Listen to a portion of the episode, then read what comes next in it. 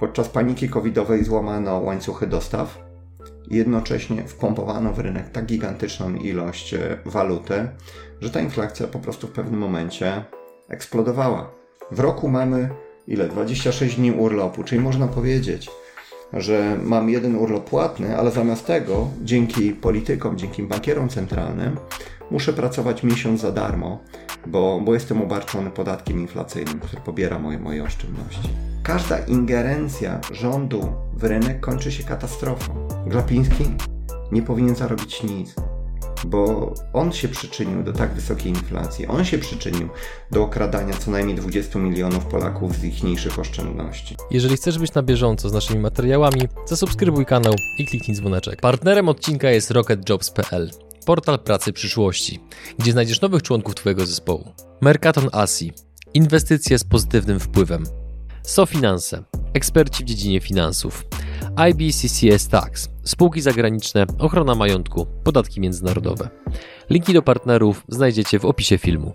Dzień dobry drodzy widzowie, Adrian Gorzycki, Przygody Przedsiębiorców. Witam Was w moim pierwszym wywiadzie po operacji przegorody nosa. Jak widać nie zmieniłem się w zombie, głos też się nie zmienił, więc jest wszystko ok. A dzisiaj z naszym gościem ponownie jest Trader21. Dzień dobry. Dzień dobry. Dzisiejszy materiał jest krótki i konkretny, ponieważ dotyczy kolejnej podwyżki stóp procentowych. I teraz od razu przejdźmy do pierwszego pytania. Twoim zdaniem, Czarku, do jakiego poziomu stopy procentowe mogą jeszcze urosnąć w przyszłości? Gdzie jest ten, powiedzmy, sufit, którego już raczej RPP nie przebije? Nie ma czegoś takiego jak sufit.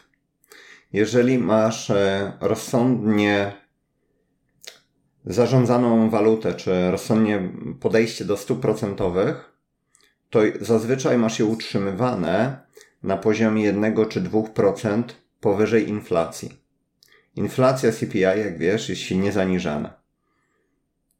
To, czy to są celowe zabiegi, niech sobie ktoś sam odpowie, ale przyjmijmy dzisiaj coś takiego, że inflacja CPI wynosi niecałe 10%. To teraz nasi słuchacze czy widzowie powinni się zastanowić, o ile wzrosły ceny dóbr, na które wydają po prostu zarobione pieniądze, o ile wzrosła żywność, o ile wzrosła energia, paliwo, o ile wzrosły, nie wiem, samochody, kablówka, usługi. I czy to jest 10%, czy to jest troszkę więcej. Więc, żeby utrzymać siłę nabywczą waluty, stopy procentowe zawsze powinny być utrzymywane 1-2% powyżej mm, inflacji w takim systemie po prostu, w jakim żyjemy. Problem jest natomiast taki, że od 1971 roku, kiedy mamy globalnie system walut opartych tylko i wyłącznie na zaufaniu,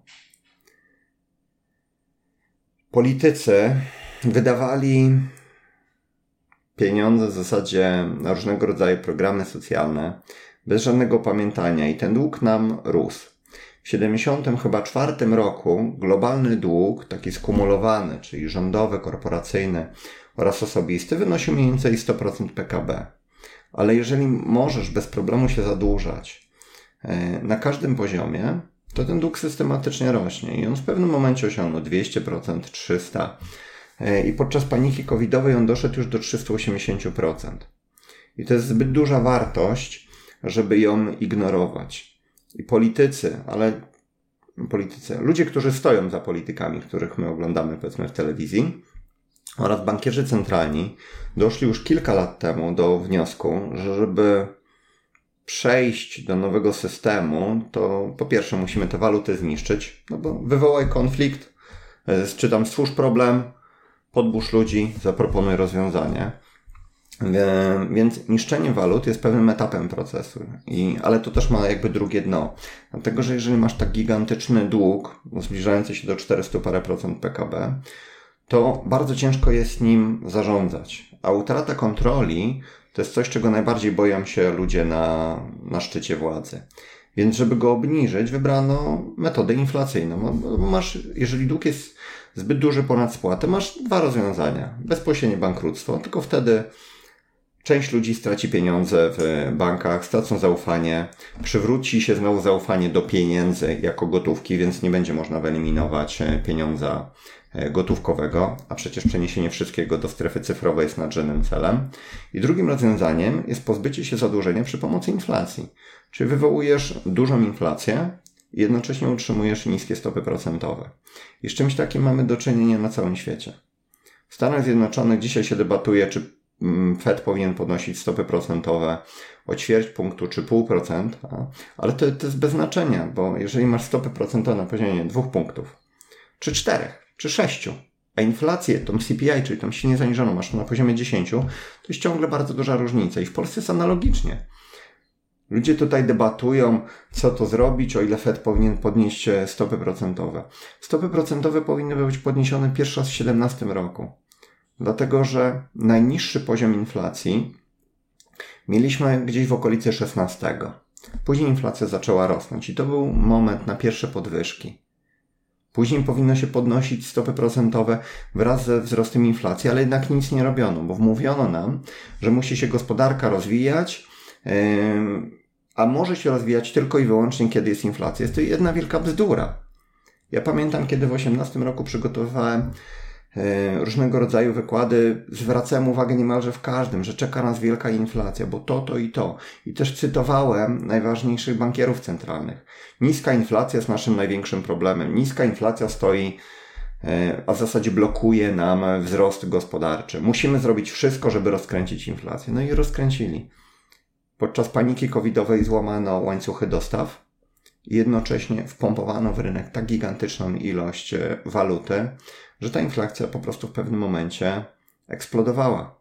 Ona się nie pojawiła dużo w 2020 roku, kiedy przykładowo w Polsce zwiększono dzięki, a w zasadzie przez współpracę polityków z NBP-em ilość waluty w obiegu 18%, bo ludzie bali się. Jak ludzi zamykasz w domu, po raz pierwszy przeżywają taki lockdown, to nie chcą wydawać waluty. Nie są skłonni do zaciągania kredytów. Wręcz pieniądze, które mają, kumulują, bo nie wiedzą, czy nie stracą pracy za miesiąc czy dwa. A w sytuacji, kiedy wszystko zaczyna wracać do normy, widzą, że jednak da się żyć. No, człowiek to jest taka, takie zwierzę, które się bardzo szybko adoptuje. E, I w tym momencie zaczęli wydawać znowu te pieniądze w miarę szybko. Tempo cyrkulacji wróciło do obiegu i efektem tego jest oficjalna inflacja na poziomie 10%, a realna pewnie gdzieś, e, gdzieś bliżej 15%. Więc tutaj nie ma takiego sufitu, no bo jeżeli masz inflację na poziomie 15%, to stopy procentowe już powinny być na poziomie 16-17, czyli mniej więcej na takim poziomie, na jakim były w 2001 roku. Ktoś się teraz pewnie oburzy, no jak to, ale co, co z tym, co z kredytobiorcami? No nic. Kredytobiorcy byli dotowani z pieniędzy oszczędzających przez ostatnie kilka lat i nadal są dotowani.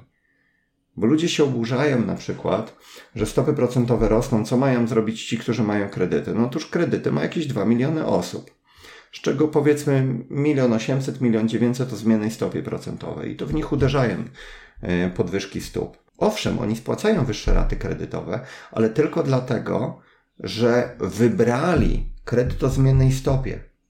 Przed pierwszą podwyżką stóp przez dwa lata tłukłem za każdym razem, kiedy dostawałem pytanie odnośnie kredyt. Tylko i wyłącznie stałe stopy procentowe, bo w pewnym momencie one wzrosną. Odpowiedź była nie, nie wzrosną, bo, bo Polski na to nie stać. Albo druga rzecz, można wziąć w Polsce kredyt tylko i wyłącznie z zafiksowanymi stopami na, na 5 lat. Ale to jest 5 lat spokoju. To nie jest tak jak, nie wiem, w Niemczech, Danii, w Stanach Zjednoczonych, gdzie blokujesz sobie stopy procentowe na kolejne 20 czy 30 lat. Niestety w Polsce nie było takich możliwości, ale była możliwość zablokowania stóp na 5 lat. A po 5 latach, przy wysokiej inflacji, połowa kredytu by ci się zdewaluowała. Więc dzisiaj, nawet pomimo tych wzrostu stóp procentowych, mamy taką sytuację, że to nadal dotowani są kredytobiorcy. Bo jeżeli jest inflacja na poziomie 10%, a stopy na poziomie 4%, to to jest nic innego jak transfer z pieniędzy oszczędzających w kierunku kredytobiorców. Bo oszczędności nie ma 2 milionów czy 1 900 Polaków, tylko jakieś mniejsze czy większe ma pewnie około 20 milionów. I to ich, oni są okradani ze siły nabywczej. Bo jeżeli przykładowo, jestem taki przeciętnym Kowalskim, nie mam, nie mam żadnej wiedzy, ale zgromadziłem powiedzmy 40 tysięcy oszczędności. Czyli przykładowo, zarabiam 3,5 tysiąca miesięcznie, mam 40 tysięcy oszczędności, czyli przykładowo ekwiwalent 12-miesięcznych zarobków. I nie mam wiedzy, nie wiem co zrobić z tymi pieniędzmi. Trzymam je na lokacie albo w skarpecie, cokolwiek. To okazuje się, że tylko przy 10% inflacji te pieniądze po roku są warte nie 40 tysięcy, a 36 tysięcy. Bo nie kupię za już tyle samo towarów, no bo ceny wszystkiego mi po prostu rosną, co najmniej o 10%. Jeżeli przyjmiemy, że ta inflacja jest bliżej 15%, no to po roku będę miał już 34 tysiące. Czy siłę nabywczą, będącą ekwiwalentem 34 tysięcy. Więc zobacz, wyparowało mi nagle siła nabywcza, będąca mniej więcej substytutem 6 tysięcy złotych. Czyli okazuje się, że przez to, że stopy procentowe są takie, jakie są, yy, czyli są silnie negatywne, ja pracuję przez miesiąc czy przez półtora miesiąca za, za darmo.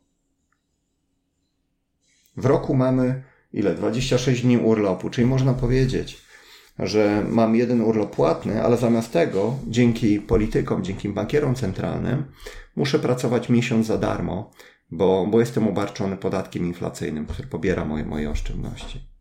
Zabiera siłę oszczęd e, nabywczą z moich oszczędności. I na to mało kto zwraca uwagę. Jak dochodzi do podwyżek stóp procentowych, wszyscy emocjonują się tym, o ile wzrośnie e, rata tych biednych zakredytowanych. Ale wszyscy zapominają o tym, że po drugiej stronie mamy tych, którzy mają oszczędności. I to oni są okradani. Nadal, mimo wzrostu stóp procentowych. No Adrian, jeżeli kurczę, średni wzrost powiedzmy mm, kosztów życia wyniósł 15% rok do roku, a mamy stopy procentowe po kilku podwyżkach na poziomie 4 punktów, to to jest ciągle 11% różnicy. Banki przecież nie oferują ci lokat na 5%, oferują na 2, 2,5, 3. Więc ludzie bez wiedzy nie mają specjalnie alternatywy, tylko muszą godzić się z tym, że inflacja zabiera siłę nabywczą e, ich oszczędności. Dzięki, że jesteś z nami i oglądasz nasze filmy. Chcielibyśmy przekazać Ci krótką informację. Przygody przedsiębiorców to nie tylko wywiady. Na co dzień zajmujemy się przede wszystkim wideomarketingiem na YouTube. Jeśli chcesz, aby Twoja firma zaczęła generować lidy z platformy, która zrzesza ponad 20 milionów użytkowników w samej Polsce, to wejdź na przygody.tv i sprawdź, jak możesz z naszą pomocą skorzystać z potencjału YouTube'a, zanim zrobi to Twoja konkurencja. No i teraz właśnie to kolejne pytanie, to wydaje mi się, że częściowo już znam na na nie odpowiedź, ale i tak je zadam. Co uważasz o takich pomysłach, które można zobaczyć, które krążą w internecie a propos właśnie całej sytuacji ze stopami procentowymi i z kredytami, że państwo powinno nałożyć parasol ochronny na kredytobiorców, na przykład mrożąc ich oprocentowanie i przerzucając jego koszt na banki? Nie, to jest skrajnie głupie rozwiązanie. Skrajnie. Po pierwsze dlatego, e, że w ten sposób promuje się, nazwijmy to tak, nie wiem jak to, nieudolność ekonomiczną.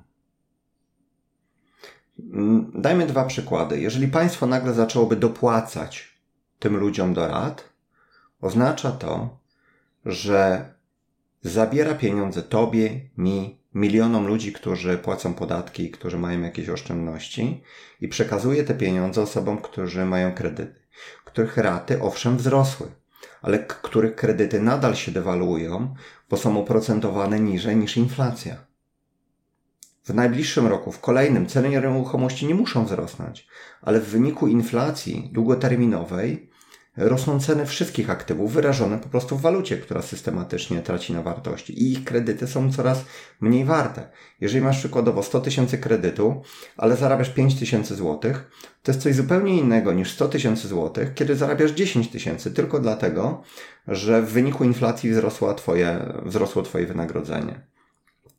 Więc ci ludzie są nadal beneficjentami negatywnych rzeczywistych stóp procentowych. A jeżeli zamrozisz przykładowo wysokość rat, to sprawi, że banki nagle, po pierwsze, przestaną udzielać e, innych kredytów, bo będą bali się, że e, pozostałe kredyty też zostaną zamrożone. Czyli przykładowo, będziesz miał genialny pomysł na biznes.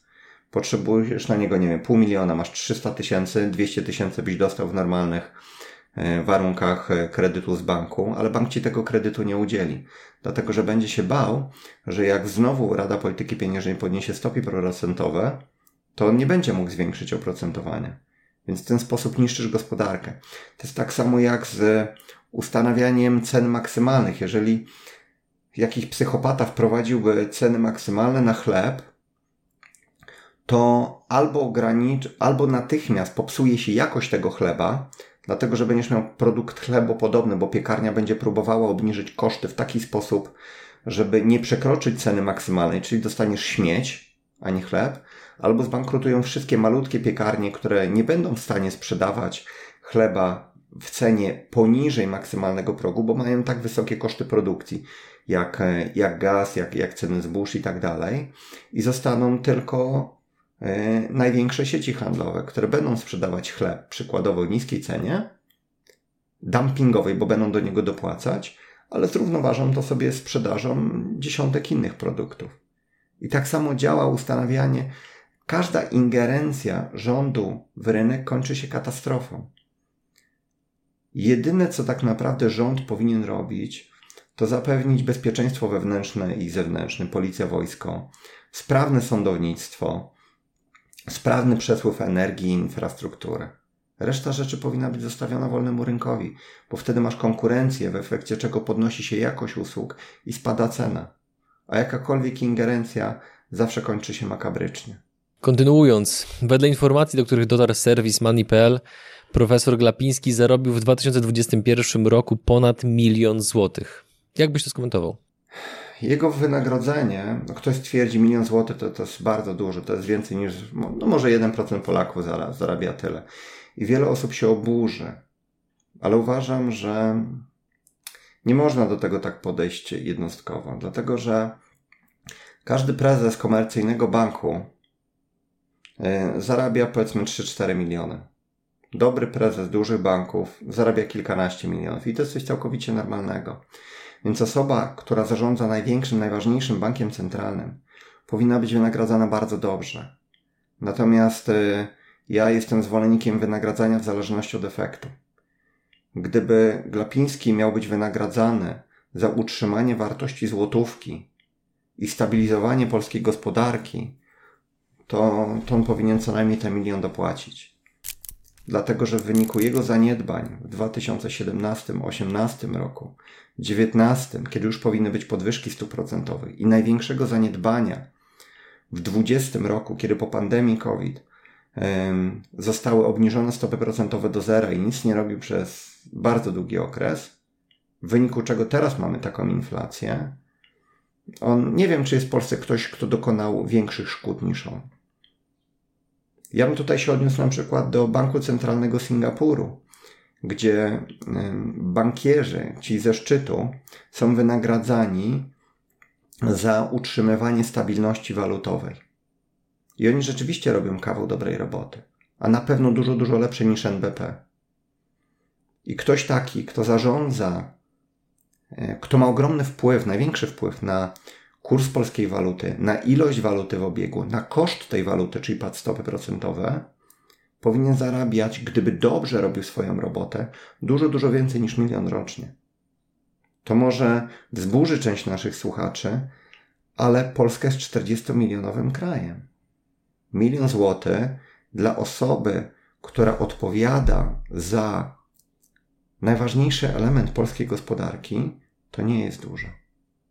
Glapiński nie powinien zarobić nic, bo on się przyczynił do tak wysokiej inflacji, on się przyczynił do okradania co najmniej 20 milionów Polaków z ich mniejszych oszczędności.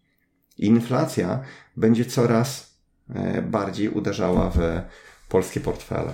Pozostając w, tema w temacie prezesa NBP, jakie działania podjąłbyś ty w najbliższych 12 miesiącach, gdybyś dzisiaj został nominowany prezesem Narodowego Banku Polskiego? Takie, za które zostałbym znienawidzony. Natychmiast podniosłbym stopy procentowe do 12 punktów. Może 13. Ale po pierwsze, natychmiast zostałbym publicznie zlinczowany z dwóch powodów. Po pierwsze, Powiedziałem Ci na początku wywiadu, że celem nadrzędnym jest e, zdewaluowanie zadłużenia. Możesz to zrobić poprzez utrzymywanie dużo niższych stóp procentowych niż, e, niż inflacja. Więc ludzie z Banku Rozrachunków Międzynarodowych, którzy determinują politykę banków centralnych, doprowadziliby natychmiast do publicznego mnie zlinczowania. Politycy zrobiliby to samo, dlatego że politycy myślą od kadencji do kadencji. Jak są u władzy, to chcą jak najniższych stóp procentowych. Zobacz na case Trumpa. Kiedy e, nim wygrał wybory, krytykował Fed za utrzymywanie zbyt niskich stóp procentowych zbyt długo, co się przyczyni do inflacji. Gdy tylko został prezydentem, robił wszystko, żeby Powell nie podnosił stóp procentowych. Tak po prostu działają politycy. Więc oberwałby mi z jednej i z drugiej strony.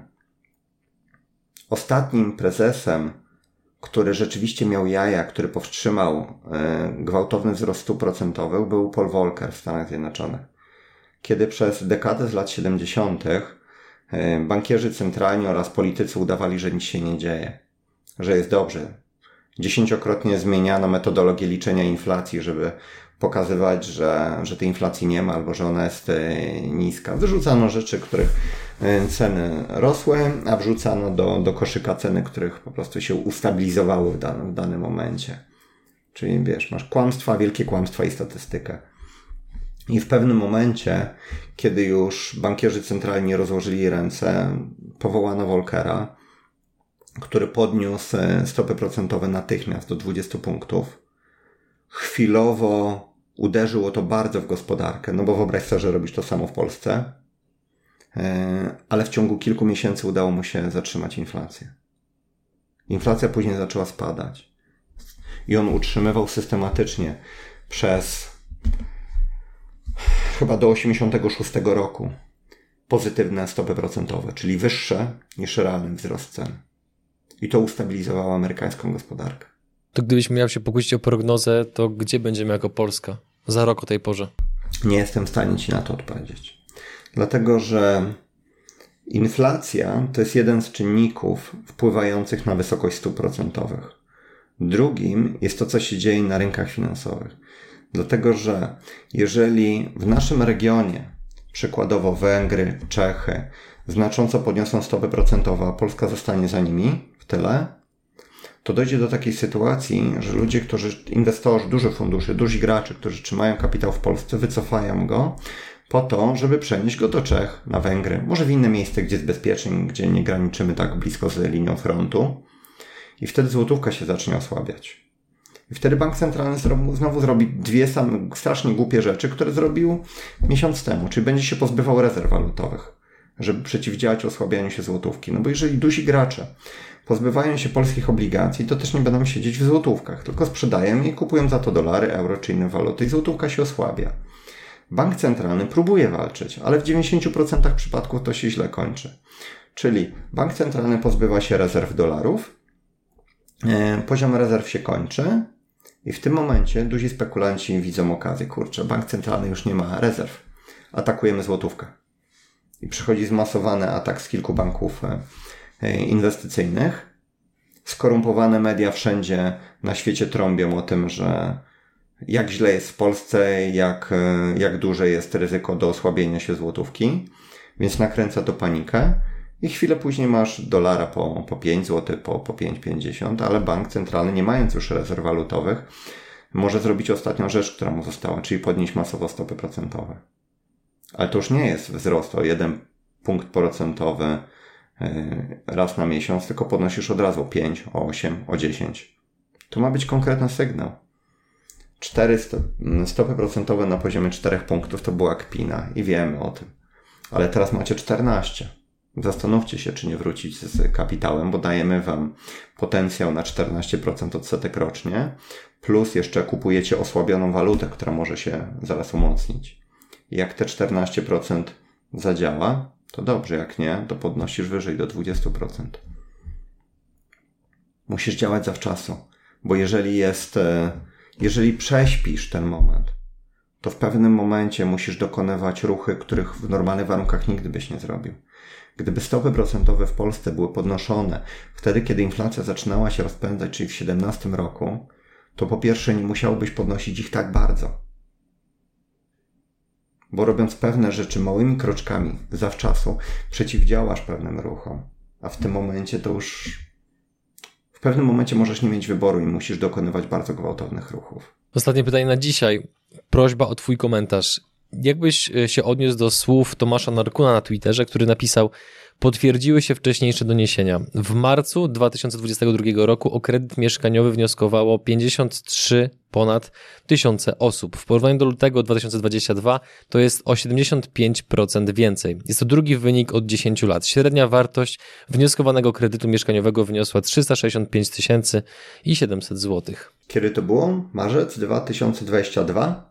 Tak, tak, tak, tak, tak, tak, tak, tak. Dziwi mnie to. Dziwi mnie, że po wzroście stóp procentowych ludzie nadal. Jak, jak to wytłumaczyć? Nie jestem w stanie tego wytłumaczyć. Tak samo jak nie jestem w stanie wytłumaczyć, czemu 85% osób traci kapitał na rynkach finansowych. No, tak, tak to działa. Ludzie podejmują naprawdę bardzo ważne decyzje, no bo wzięcie kredytu na nieruchomość na kolejne 20 czy 25 lat to jest kurczę, no w optymistycznym scenariuszu to jest jedna trzecia twojego życia. A ludzie się nie zastanawiają, czy wzrosną stopy procentowe, wzrosną jak bardzo, jak, jak wysoka jest dzisiaj cena nieruchomości w stosunku na przykład do, do średniego wynagrodzenia. My teoretycznie mamy postęp gospodarczy, ale dzisiaj, przy dzisiejszych zarobkach i przy dzisiejszych cenach nieruchomości, to przeciętny Polak może sobie pozwolić na zakup nie wiem, 60% metrów kwadratowych, na które mógłby sobie pozwolić 20 parę lat temu, kiedy mieliśmy wysokie stopy procentowe. A tu jest prosta zależność. Wysokie stopy procentowe, niskie ceny nieruchomości. Niskie stopy procentowe, drogie nieruchomości. Tu postawmy kropkę. Drodzy widzowie i słuchacze, naszym dzisiejszym gościem był Trader21 Czarku. Dziękuję Ci bardzo za rozmowę i mam nadzieję, że nasza, nasze kolejne spotkanie będzie w nieco bardziej optymistycznych okolicznościach. Dzięki. Do zobaczenia.